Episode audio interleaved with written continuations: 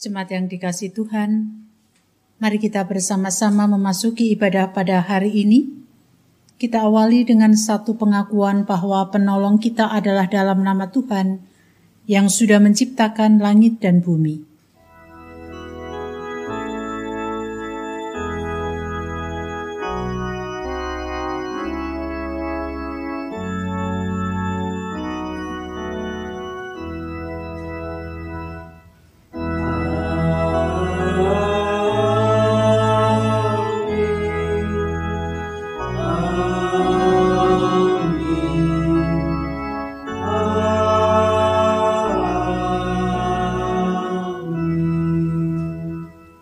Kasih karunia dan damai sejahtera dari Allah Bapa kita dan dari Tuhan Yesus Kristus menyertai saudara sekalian. Dan menyertai saudara juga. Nats pembimbing dalam ibadah pada saat ini diambil dari Roma 15 ayat 13.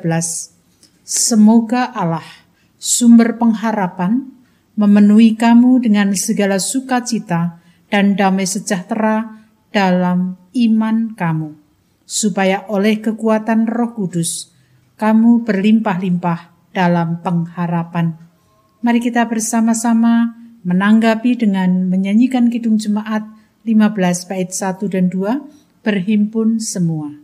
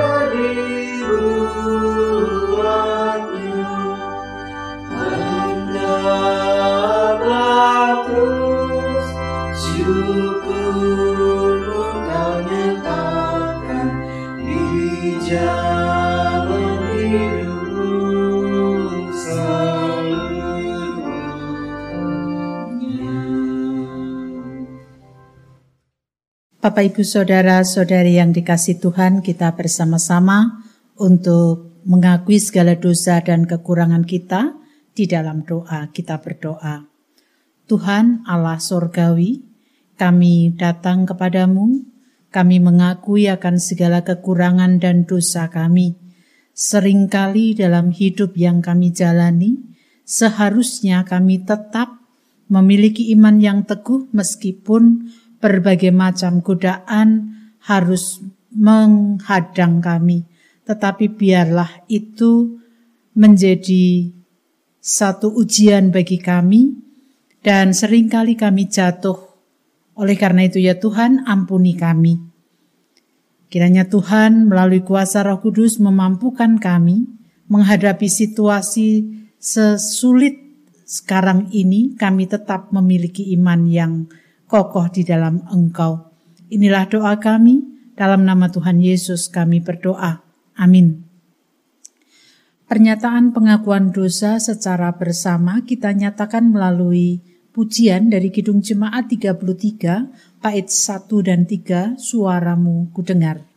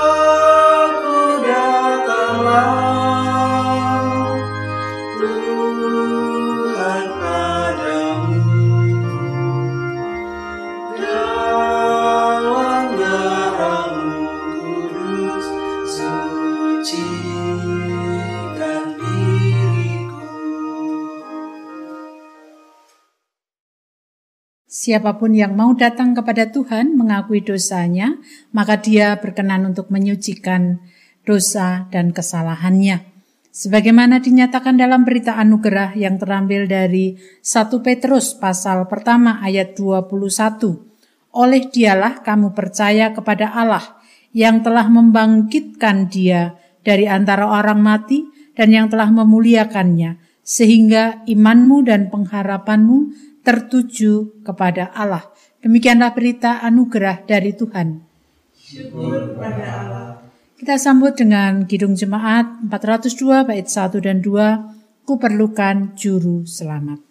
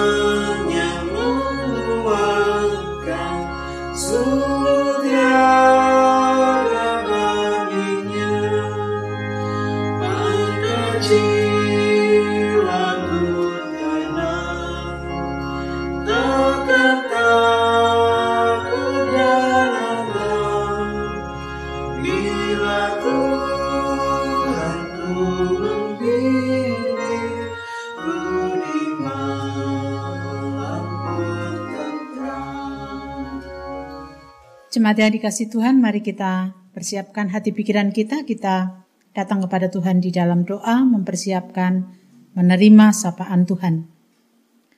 Allah pemelihara hidup kami, saat ini kami rindu Tuhan menyapa kami melalui pembacaan Injil yang hendak kami renungkan, kiranya kuasa roh kudus yang akan memampukan kami untuk mengerti dan memahami, terlebih melaksanakan dalam hidup kami sehari-hari. Inilah doa kami, dalam nama Yesus kami berdoa. Amin. Bacaan kita pada pagi hari ini diambil dari Yohanes pasal 6 ayat 56 sampai dengan 69. Yohanes pasal 6 ayat 56 sampai dengan 69. Barang siapa makan dagingku dan minum darahku, ia tinggal di dalam aku dan aku di dalam dia sama seperti Bapa yang hidup mengutus aku dan aku hidup oleh Bapa, demikian juga barang siapa yang memakan aku dan hidup oleh aku. Inilah roti yang telah turun dari sorga, bukan roti seperti yang dimakan nenek moyangmu dan mereka telah mati. Barang siapa makan roti ini, ia akan hidup selama-lamanya. Semuanya ini dikatakan Yesus di Kapernaum ketika ia mengajar di rumah ibadat. Sesudah mendengar semuanya itu, banyak dari murid-murid Yesus yang berkata, Perkataan ini keras. Siapakah yang sanggup mendengarkannya? Yesus yang di dalam hatinya tahu bahwa murid-muridnya bersungut-sungut tentang hal itu berkata kepada mereka, Adakah perkataan itu menggoncangkan imanmu? Dan bagaimanakah jikalau kamu melihat anak manusia naik ke tempat di mana ia sebelumnya berada? Rohlah yang memberi hidup, daging sama sekali tidak berguna.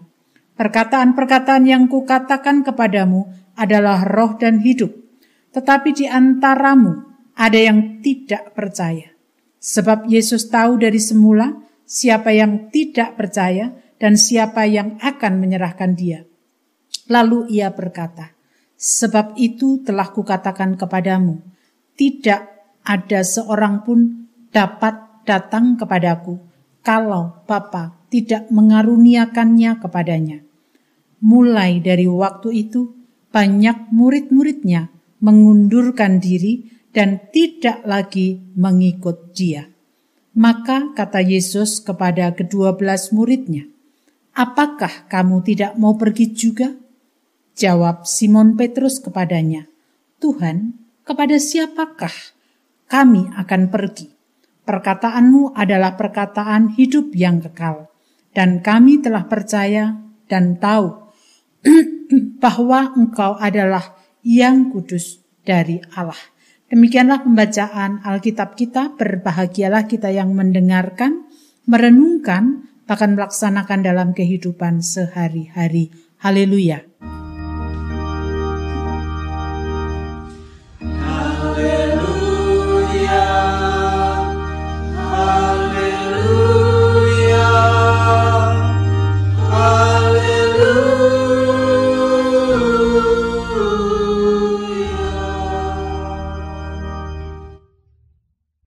Jemaat yang dikasih Tuhan dalam hidup ini kita mungkin pernah mendengar satu ungkapan bahwa hidup itu adalah pilihan.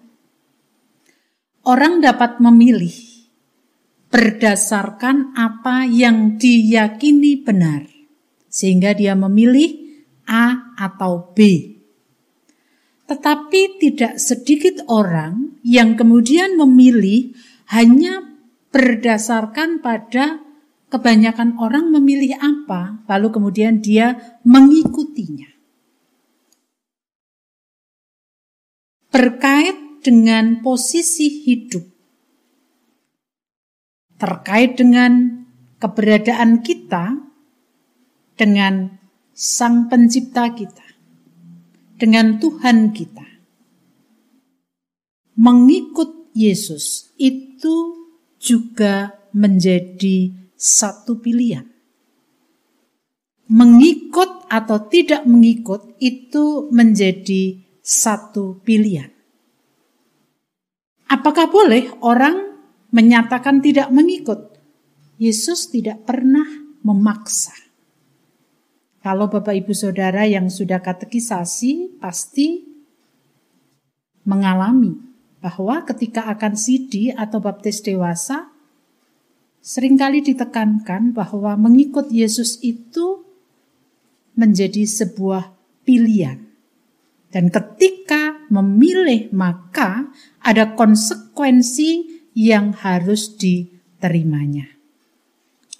Jemaat yang dikasih Tuhan, bacaan kita pada saat ini memberikan pengajaran kepada kita Bagaimana orang banyak yang pada waktu itu berbondong-bondong untuk mengikuti Yesus, untuk mendengarkan apa yang menjadi pengajarannya, untuk melihat karya-karya yang dilakukan Yesus.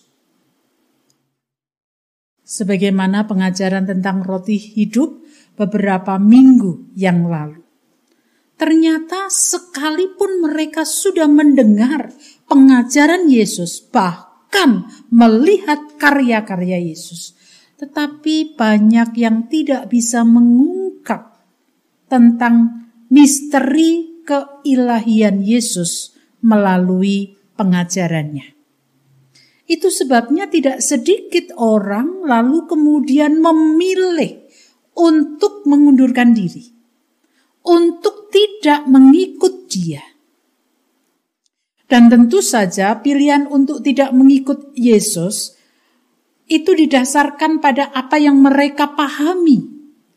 Mereka merasa bahwa apa yang diajarkan Yesus itu tidak cocok dengan diri mereka.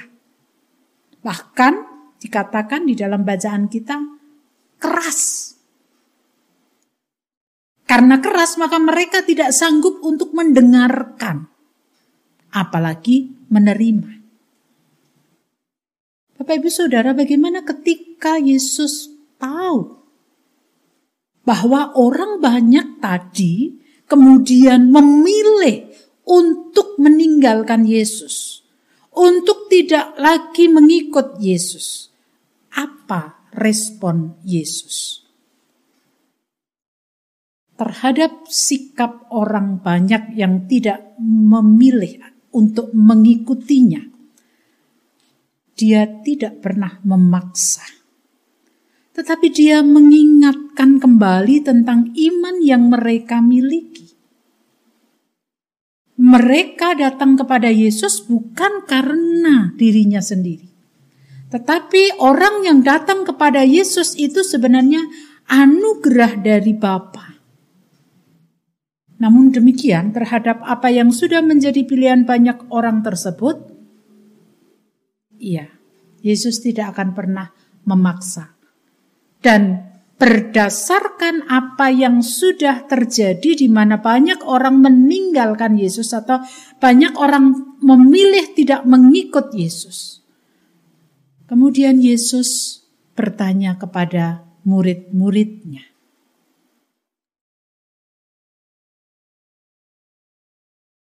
Mengikut dia bukan sebuah paksaan. Mengikut dia itu adalah sebuah anugerah yang digerakkan oleh roh yang akan membawa seseorang untuk tetap percaya dan menerima Yesus. Apa jawab mereka ketika Yesus kembali menegaskan? Apakah mereka juga tidak akan seperti orang banyak itu? Petrus sebagai salah satu murid Yesus menjawab, Tuhan kepada siapa kami akan pergi? Perkataanmu adalah hidup yang perkataanmu adalah perkataan hidup yang kekal dan kami telah percaya dan tahu bahwa engkau adalah yang kudus dari Allah. Iman sebagai karunia Allah yang membawa Petrus dan juga murid-murid yang lain untuk mengikut Yesus dan bahkan memegang erat-erat apa yang sudah menjadi pilihan mereka walaupun banyak orang meninggalkan Yesus. Petrus tetap memiliki iman yang kokoh mengikut dia. Walaupun nanti ketika kita mengikuti perjalanan hidup Petrus, sekalipun sudah menyatakan untuk mengikut Yesus, ternyata dinamika iman itu akan selalu ada. Tetapi satu hal yang boleh kita lihat, dia tetap memilih untuk percaya dan mengikut Yesus. Dia tetap mengimani apa yang selama ini mereka dapatkan dari Yesus. Dan mereka tahu bahwa Yesus memang yang kudus dari Allah. Itu sebabnya meskipun banyak orang meninggalkan Yesus, tetapi Petrus dan murid-murid yang lain tetap memilih untuk mengikut Yesus. Jemaat yang dikasih Tuhan, hidup itu pilihan. Sebenarnya kita sudah memilih Memilih untuk apa? Memilih untuk percaya dan menerima Yesus sehingga kita menyatakan diri menjadi pengikut Yesus. Dengan demikian, kalaupun ada yang menggoda, kalaupun ada yang menghadang kita, apa pun itu bentuknya, biasanya persoalan-persoalan Dan ketika persoalan-persoalan itu muncul, di situlah dinamika iman akan sangat dapat dirasakan. Kadang kita mengatakan, saya percaya, saya beriman, saya sudah mengikut dia. Tetapi ketika permasalahan muncul kadangkala, kita bergumul, mengapa saya harus mendapatkan masalah yang seperti ini? Mengikut Yesus itu pilihan, tetapi konsekuensi atas mengikut Yesus itu pun juga harus kita terima. Bapak Ibu Saudara yang dikasih Tuhan, kalau kita menjadi pengikut Yesus berarti kita yakin, kita tahu bahwa iman kepada Yesus bukan hanya sekedar tertuang dalam sebuah janji iman dalam ibadah ketika kita sidi atau baptis. Tetapi iman yang mau mengikut Yesus berarti iman yang harus terwujud dalam hidup dan kehidupan kita. Iman yang harus kita implementasikan di dalam hidup kita. Iman yang kokoh bukan hanya sekedar apa pun yang terjadi saya mengikut Yesus. Tidak. Tetapi iman yang kokoh adalah meskipun berbagai macam kendala yang aku alami tetapi aku tetap harus meneladani Yesus yang saya imani. Artinya iman yang kokoh itu berarti iman yang harus juga diimplementasikan di dalam kehidupan sehari-hari. Saat ini kita masih berada dalam kondisi yang sangat sulit secara ekonomi dan berbagai macam hal. Mungkin kita mengatakan saya percaya. Tetapi apakah percaya kita, iman kita yang kokoh itu sudah kita wujud nyatakan dan kita implementasikan dalam hidup kita? Atau jangan-jangan selama ini kita cuek dan tidak peduli terhadap lingkungan yang ada di sekitar kita.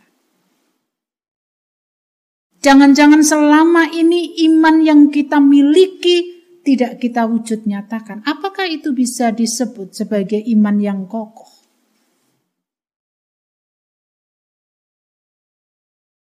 Ketidakpedulian kita, kecuekan kita itu sebenarnya menunjukkan berarti iman kita bukan iman yang kokoh. Ketidakramah ketidakramahan kita terhadap orang-orang yang ada di sekitar kita. Mementingkan diri sendiri atau egois. Gereja aku aja belum bisa melakukan apa-apa, gimana saya mau menolong orang lain? Itu yang sering kali muncul. Egois itu. Benarkah Yesus mengajar seperti itu? Tidak pernah Yesus mengajar seperti itu. Jadi kalau kita mengatakan Tuhan kami tidak akan pernah pergi dan kami akan selalu mengikut Engkau. Ya buktikan. Jangan hanya kita nyatakan di dalam ungkapan atau kata-kata kita. Kita buktikan melalui tindakan kita. Ada banyak saya tidak akan menggurui karena ya teladan Yesus masih sangat banyak bisa kita lakukan dalam kehidupan kita. Mari kita bersama-sama untuk menyatakan iman yang kokoh bukan hanya dalam kata-kata kita tetapi juga dalam tindakan kita. Amin. Saat teduh bagi kita semuanya.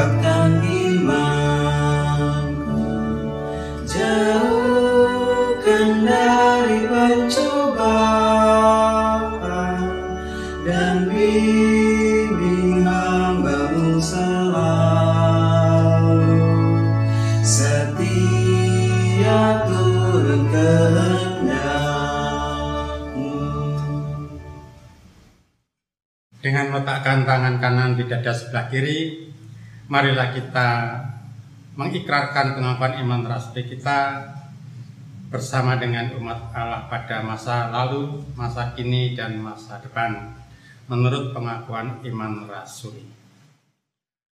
Aku percaya kepada Allah Bapa yang Maha Kuasa, Khalik langit dan bumi, dan kepada Yesus Kristus anaknya yang tunggal Tuhan kita, yang dikandung daripada roh kudus, lahir dari anak darah Maria, yang menderita di bawah pemerintahan Pontius Pilatus, disalibkan, mati dan dikuburkan, turun dalam kerajaan maut.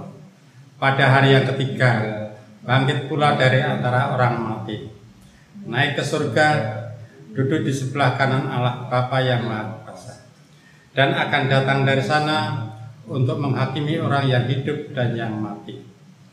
Aku percaya pada Roh Kudus, gereja yang kudus dan am, persekutuan orang kudus, pengampunan dosa, kebangkitan daging, dan hidup yang kekal. Kita bersatu dalam doa syafaat. Tuhan sumber hidup kami, kami bersyukur Tuhan kembali mengingatkan iman kokoh yang ada dalam diri kami sebagai pengikutmu harus kami wujud nyatakan dalam tindakan konkret. Di tengah situasi yang sangat sulit ini, ajarkan kami tidak egois. Di tengah situasi yang sangat sulit ini, ajarkan kami untuk terus meneladani Kristus. Kami mohon kuasa Roh Kudus menolong kami untuk mewujud nyatakan. Dan saat ini kami juga berdoa untuk kehidupan kami sebagai umat di tengah bangsa dan negara di mana masih harus berjuang melawan pandemi COVID, ada begitu banyak orang yang terpapar, ada begitu banyak orang yang mengalami duka, ada begitu banyak orang yang harus berjuang untuk memenuhi kebutuhan kehidupan sehari-hari. Apa pun dan siapa pun itu, kami mohon berkat Tuhan, kekuatan penghiburan, dan juga hal-hal yang kami butuhkan, utamanya kesehatan, sehingga kami dapat melewati hari-hari kami ini bersama Tuhan. Kami berdoa untuk pemimpin bangsa dan negara kami berkatmu tercurah atas mereka, agar mereka pun dapat melaksanakan apa yang harus dikerjakan sebagai tanggung jawab dalam kepemimpinan bangsa dan negara ini. Kesehatan, kekuatan, kebijaksanaan yang dari Tuhan, Tuhan pun juga anugerahkan kepada mereka. Demikian juga ya Tuhan, kami berdoa bagi Jemaat Philadelphia, Tuhan memberkati kami semuanya, kesehatan, kekuatan yang dari Tuhan senantiasa kami harapkan. Bagi yang saat ini harus terus berjuang menjalani kehidupan yang tidak mudah, mulai dari anak-anak sampai dengan Adi Yoswo. Kami terus memohon berkat dan perlindungan Tuhan. Demikian juga ya Tuhan, kami berdoa untuk saudara-saudara kami yang saat ini sedang sakit, tangan Tuhan menjamah dengan penuh kasih, sehingga mereka mendapatkan pemulihan yang dari Tuhan. Kami menyerahkan Bapak Nugro Yulianto dan Ibu, Bapak Mariman, Ibu Arista Kurniawati, Ibu Bainah Teguh Tri Raharjo, Bapak Suratijo, Bapak Mugiarto Hadi, Saudari Sarah, Demikian juga saudara-saudara kami lain yang membutuhkan uluran tangan Tuhan mendapatkan kesehatan. Berkatmu senantiasa kami mohon. Dan saat ini ya Tuhan kami berdoa untuk setiap pergumulan kami, anak-anak kami, pekerjaan kami, tanggung jawab kami. Kami berharap Tuhan terus menolong kami supaya dalam kami melaksanakan tanggung jawab kami, kami dapat melakukannya bersama dengan Tuhan. Pergumulan setiap keluarga, Tuhan pun juga memberkati apa pun itu bentuknya. Kami berdoa untuk setiap keluarga jemaat Philadelphia. Tuhan kiranya terus ada bersama dengan setiap keluarga, sehingga semuanya terus melihat Tuhan dan berpengharapan kepada Tuhan. Kami berdoa untuk Febri, Tuhan pun memberkati dia dan menolong dia, kesehatan, kekuatan, dan juga pengendalian diri bersama dengan keluarga, kiranya dia juga terus mendekatkan diri kepada Tuhan supaya dia dapat menjalani hidupnya dalam ketenangan. Keluarga yang harus mendampingi Bapak Widodo dan Ibu kakak-kakaknya, Tuhan memberkati mereka semuanya. Demikian juga ya Tuhan kami berdoa untuk setiap hal yang harus kami lakukan dalam hidup kami, apa pun itu bentuknya, biarlah itu menjadi sarana berkat Tuhan nyata dalam hidup ini. Kami serahkan seluruh syafaat kami ke dalam tangan kuasa Tuhan. Doa ini kami Serahkan kesempurnaannya di dalam nama Tuhan Yesus Kristus yang telah mengajarkan kepada kami doa Bapa kami.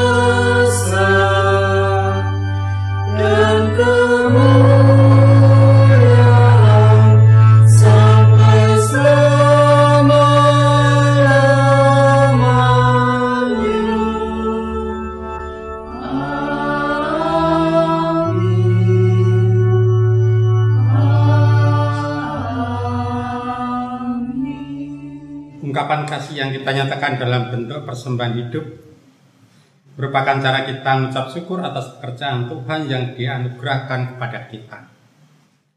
Dasar persembahan diambil dari satu Tawarikh 29 ayat yang ke-14 yang demikian. Sebab siapakah aku ini dan siapakah bangsaku sehingga kami mampu memberikan persembahan sukarela seperti ini?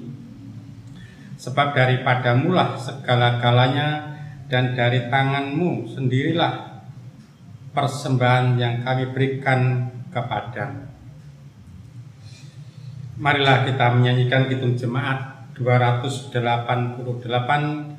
bait yang pertama. Mari puji Raja Surga.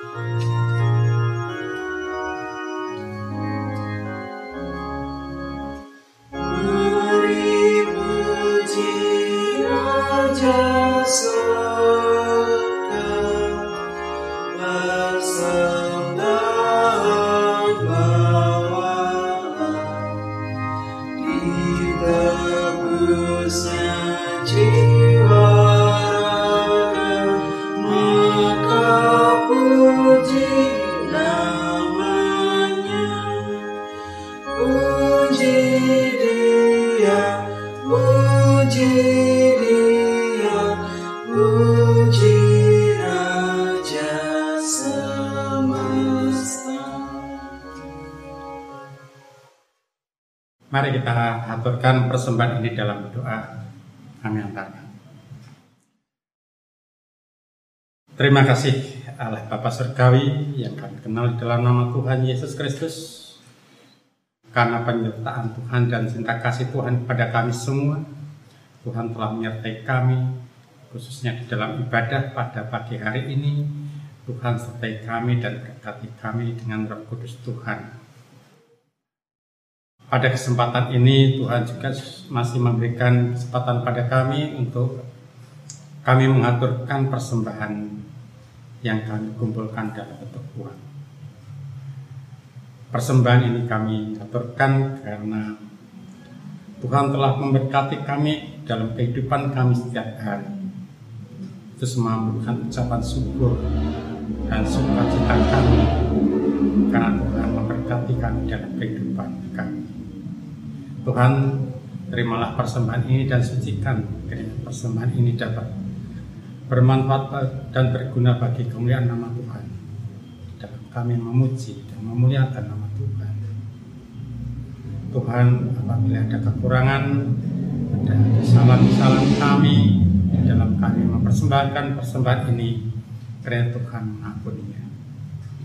Dalam nama Tuhan Yesus Kristus, doa ini kami naikkan. Terima kasih Tuhan. Amin.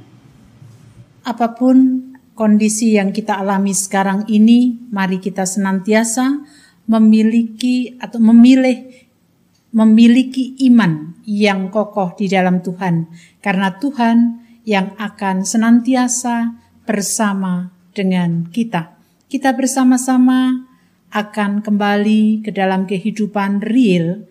Kita menyanyikan Kidung Jemaat 416 bait 1 dan 3 Biarlah tangan Tuhan sendiri yang senantiasa membimbing kita sehingga iman kita tetap teguh.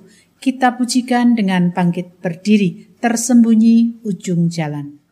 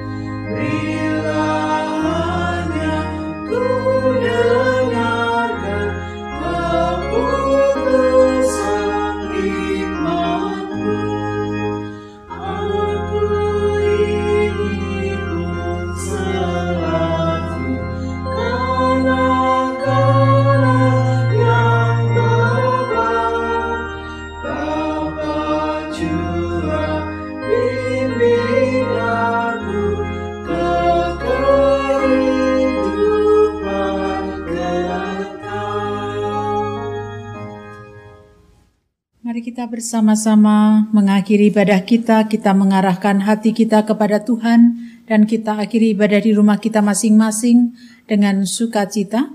Mari kita melanjutkan hidup kita dan terus berkarya bagi Tuhan. Kita terima berkatnya. Kasih karunia Tuhan Yesus Kristus dan kasih Allah Bapa serta persekutuan Roh Kudus menyertai kita sekalian selama-lamanya.